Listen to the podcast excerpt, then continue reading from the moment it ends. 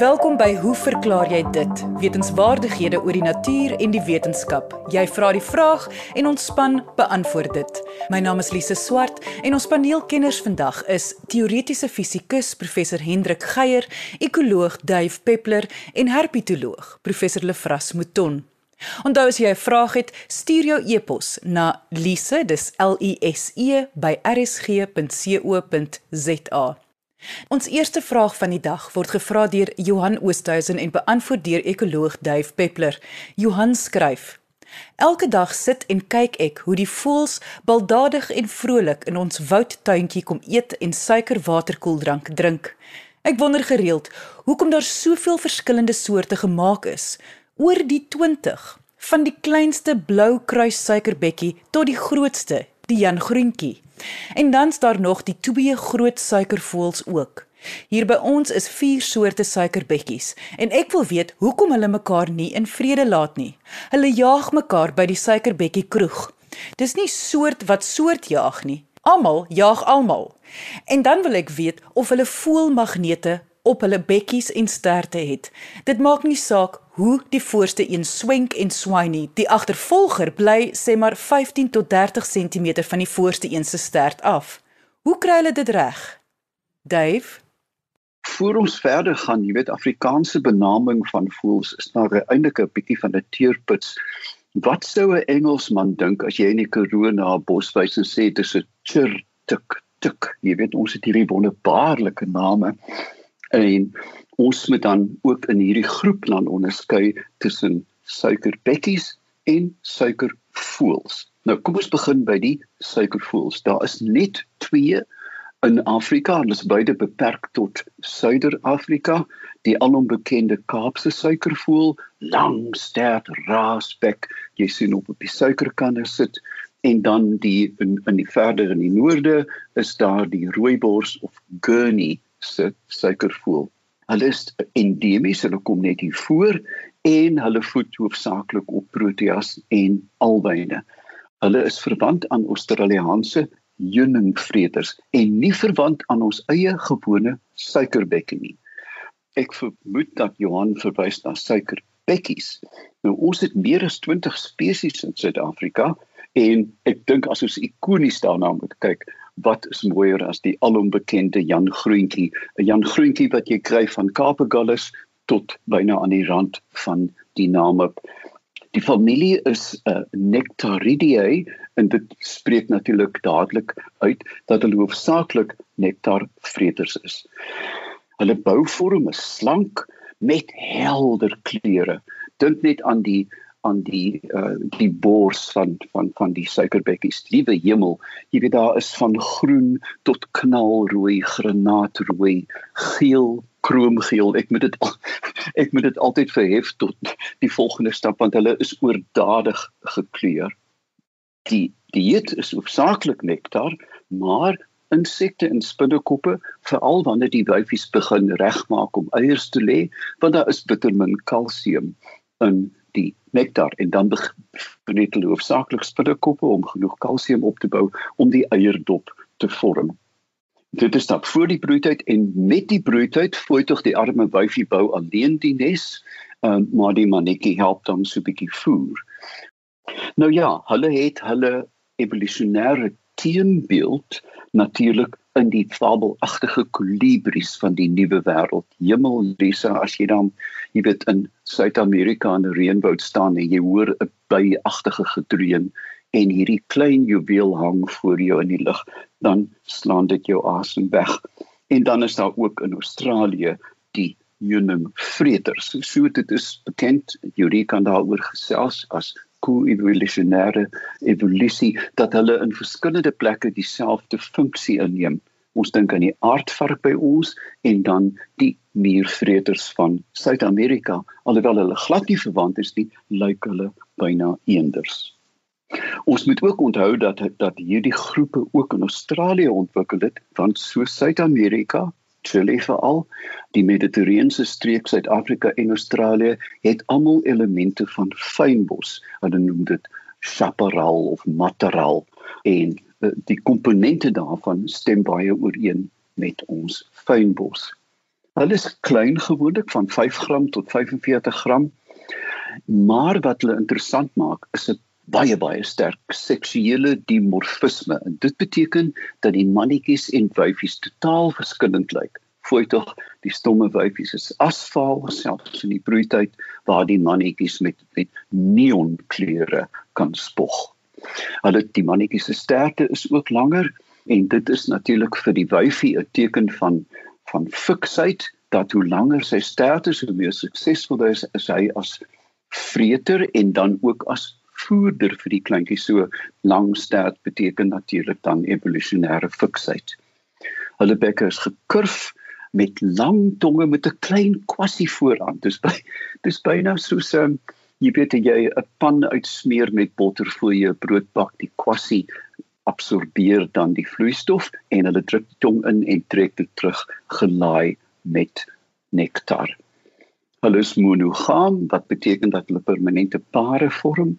En dan natuurlik ook baie sterk territoriaal. En hier kom die bekleierery om die voerbak natuurlik in want 'n mannetjie wat hierdie voerbakkie of die voerder beskou as sy territorium sal alles in sy vermoë doen om ander mannetjies weg te jaag. Nie wyfies nie want hulle is moontlike maats vir die toekoms.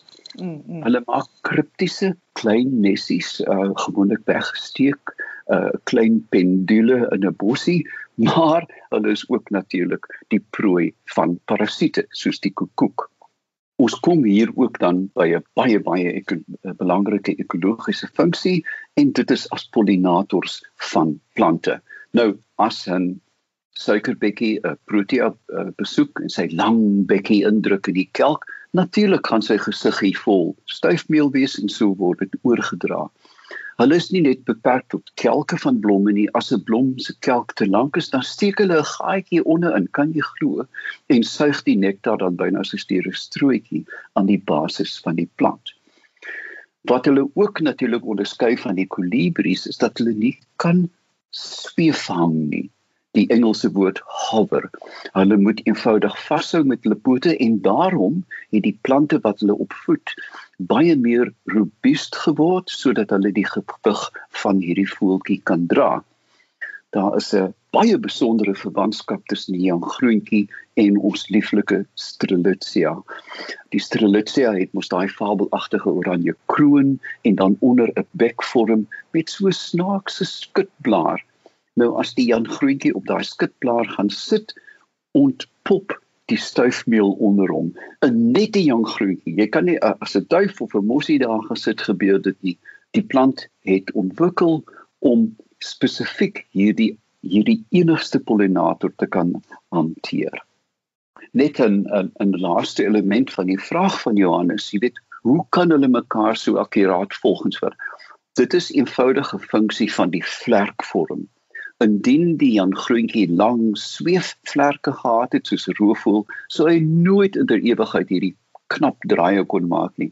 'n Mens hoef net te kyk na die verskil tussen 'n straler wat mense vervoer en 'n 'n 'n veg straler, jy weet 'n klein met kort vlerkies. Met ander woorde, dit is 'n funksie van hulle bou dat hulle hierdie arabeske in die lug kan maak, um, sonder enige veel moeite.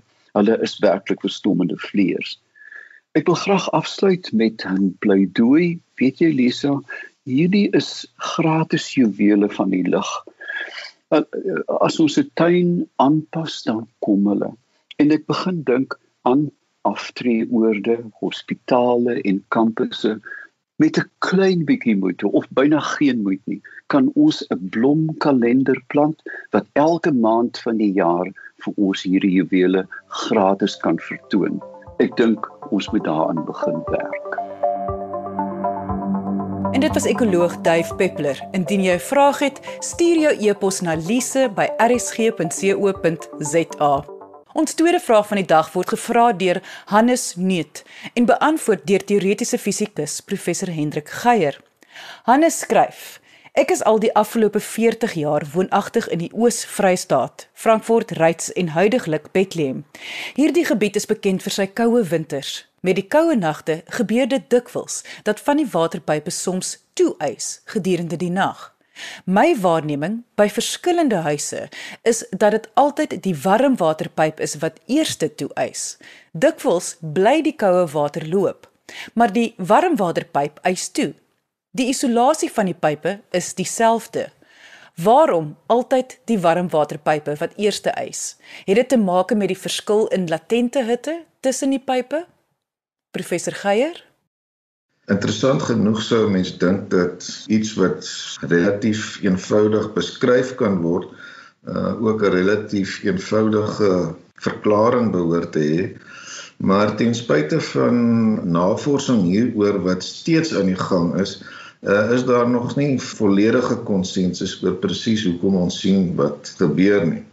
Maar kom ek begin deur net eers te sê dat 'n mens al in geskrifte so oud soos Aristoteles se Meteorologica van 350 voor Christus 'n waarneming opgeteken sien wat min of meer so lui uh, as water vooraf warm gemaak is dan dra dit by tot die tempo waarteen dit uiteindelik vries want dit koel vinniger af en mens lees selfs dat iemand soos Descartes verder gegaan het en noukeurige waarnemings gemaak het uh, hieroor en tot dieselfde soort slotsom gekom het uh, dat water wat vir 'n lang tyd warm gehou is vinniger vries as enige ander soort water. Uh, interessant genoeg in 2012 het die Britse Royal Society of Chemistry 'n kompetisie uitgeskryf met 'n prysgeld van 1000 pond vir wat hulle genoem het die beste verklaring van die Mpemba effek. Interessant genoeg het hulle en mense kan dit op hulle eie webbladsy gaan nalees, het hulle 22000 inskrywings gekry. Ek sal nou-nou 'n bietjie meer daaroor sê, maar waar kom die naam Mpemba effek vandaan? So dit is nou wat in die literatuur eintlik gevestig geraak het as 'n breë beskrywing van hierdie waarneming dat onder sommige omstandighede warm water vinniger vries as koue water. Nou hy was in 'n uh, 'n skoolier gewees op deesdae praat mense van leerders in 'n hoërskool in Tansanië in 1963 en skynbaar was hy betrokke by 'n skoolprojek waarvan die leerders vereis is of hulle is genooi om 'n uh, 'n roomhuismengsel te maak en die instruksies was dat hulle moes uh, melk kook en dan in houers laat afkoel en dan in die vrieshok sit. Nou ek weet nie of dit veronderstel was om die einde van die roomhuismaak proses te wees nie, maar ook al skynbaar was daar maar beperkte ruimte in die vrieshok gewees so wat Erasto Mpemba toe gedoen het om seker te maak dat sy houertjie ook 'n uh, plekkie in die vrieshok kry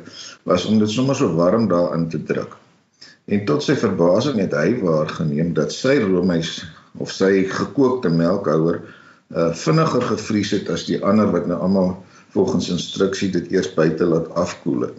Hoe meer hy navraag hieroor gedoen het, uh het mense redelik spottend gereageer op iets wat voor die hand liggend nie waar kon wees nie. Maar toe gebeur daar kom daar 'n geleentheid waar die skoolhoof in fisikus van 'n uh universiteitskollege in Dar es Salaam genooi het om uh, 'n lesing oor fisika by die skool te kom gee en agterna het Mpemba baie direk vir die persoon uh, met die naam van uh, Dr Dennis Osborne gestel dat as hy twee van dieselfde houers met water in 'n vrieshok sou sit, een sê maar hier by 35 grade en die ander een by 100 grade, uh, dan is sy waarneming dat die dat die uh, water wat by kookpunt ingesit is vinniger vries en hy wou weet hoekom en natuurlik het Osborne ook aanvanklik maar redelik skepties hierop gereageer maar tog ehm um, Pemba ernstig genoeg geneem dat hy self 'n bietjie hiermee geëksperimenteer het en self uh, soortgelyke waarnemings gedoen het. So dis nou 'n lang storie wat daarop uitloop dat um, Pemba en Osborne destyds in publikasie geskryf het oor hulle waarnemings en hulle het gesê dat dat water wat by 25 grade Celsius in 'n houer geplaas is om te vries, uh, die langste gevat het van al die begintemperature uh, om te vries en dat uh, dit die kortste geduur het is dit so min of meer rondom 90 grade Celsius was. So dit is toe uiteindelik gepubliseer en die krediet vir hierdie waarneming is is toe aan Mpemba uh, gegee en van daar het die beskrywing van Mpemba effek toe posgevat. Verskeie ander eksperimenteerders het mettertyd gerapporteer dat hulle nie noodwendig hierdie effek waargeneem het in in uh, onder eksperimentele kondisies nie tot by die punt dat iemand wat nou 'n oorsig oor hierdie werk geskryf het gesê het 'n mens moet hierdie ding nou 'n bietjie versigtiger formuleer jy wat jy kan sê is daar bestaan 'n stel van beginparameters en 'n paar temperature wat so is dat uh, as die twee houers water in alle ander opsigte identies is behalwe dat hulle temperature verskil, dan sal die warm een vinniger vries as die kouer een. Wat 'n mens nou bring by die by die verklaringe wat tot op hede uh, vir hierdie uh, effek voorgehou is. Uh, so byvoorbeeld is daar die idee dat in warm water daar mikroborreltjies oorbly wat soos wat die water afkoel die die konveksie want onthou in in in in warm water is daar wat mense kan noem konveksiestrome uh en dit is die proses waar volgens hitte tipies na die oppervlak van die van die water geneem word en dan weggevoer word wat dan natuurlik tot die afkoelproses bydra. So die idee is of was dat die teenwoordigheid van hierdie mikrogorreltjies die konveksieproses aanhelp en dat die warm water op hierdie manier dan vinniger afkoel uh, as die koue water en as dit vinniger afkoel uh, dan moet daar 'n punt wees waar waar dit dan uiteindelik vinniger vries. 'n Ander waarneming uh, is relatief eenvoudig om te sê dit is 'n 'n kwessie van van verdamping want die warm water uh, verdamp dan staan minder water wat moet vries in elk geval deur verdamping word die water verder afgekoel. Uh so dit is voorgehou as 'n moontlike verklaring maar ek dink die konsensus is dat dit nie voldoende is om die hele proses te beskryf nie.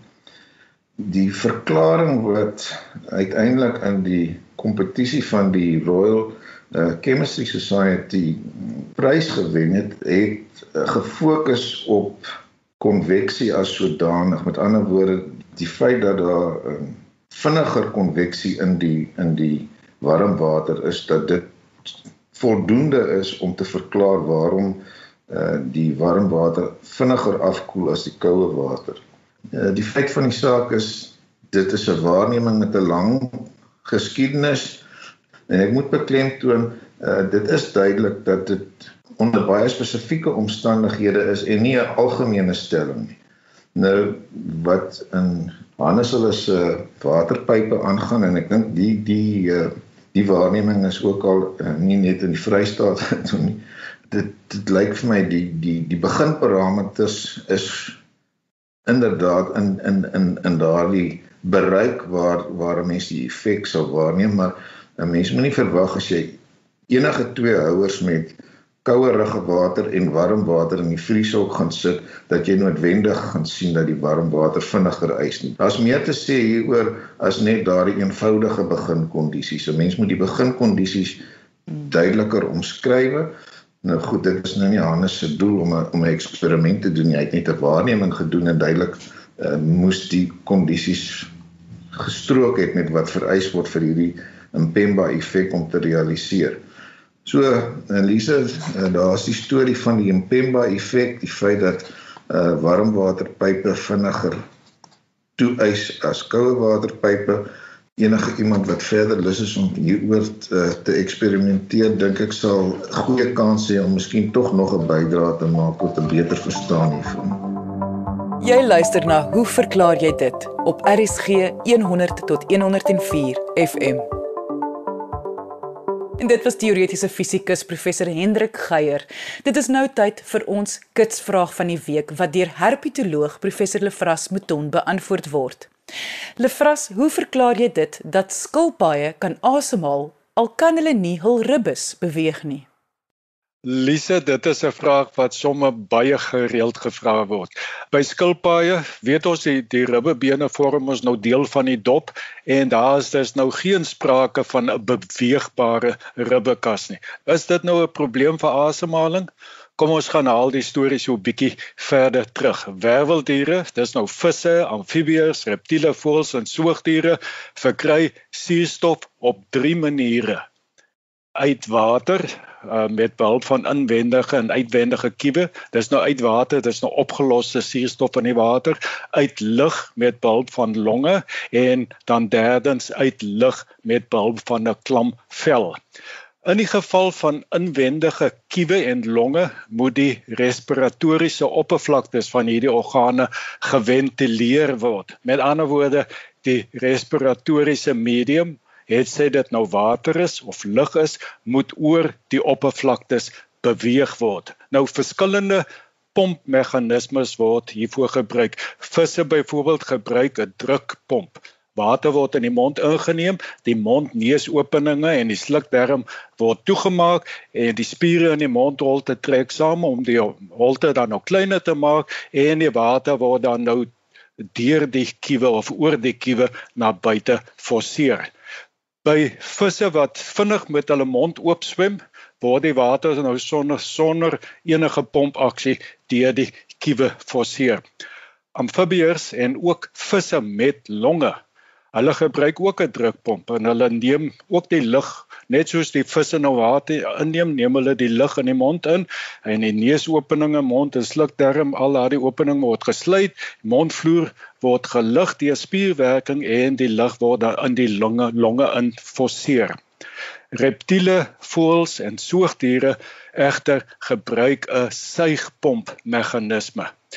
Nou 'n stewige en beweeglike ribbekas wat vergroot en verklein kan word om drukveranderinge teweeg te bring, staan dan nou sentraal in hierdie meganisme. Wanneer die ribbekas deur spierwerking vergroot word, verlaag druk in die liggaamsholte en dit dis natuurlik ook in die longe en lug word in die longe ingesuig.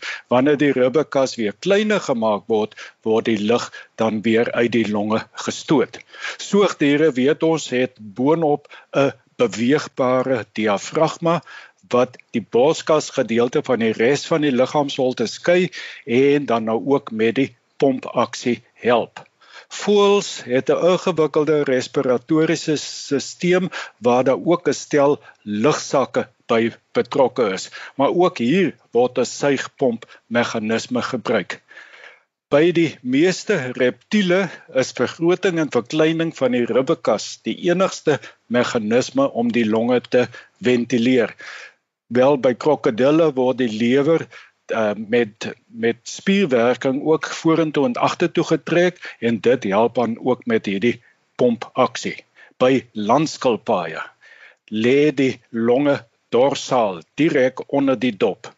Nou die ingewandes word deur 'n membraan omsluit. Dit is nou amper soos 'n klomp kruideniersware in 'n plastiek Daar staan nou twee stelle spiere wat hierdie ingewande sak, as ek dit so kan noem, kan skuif.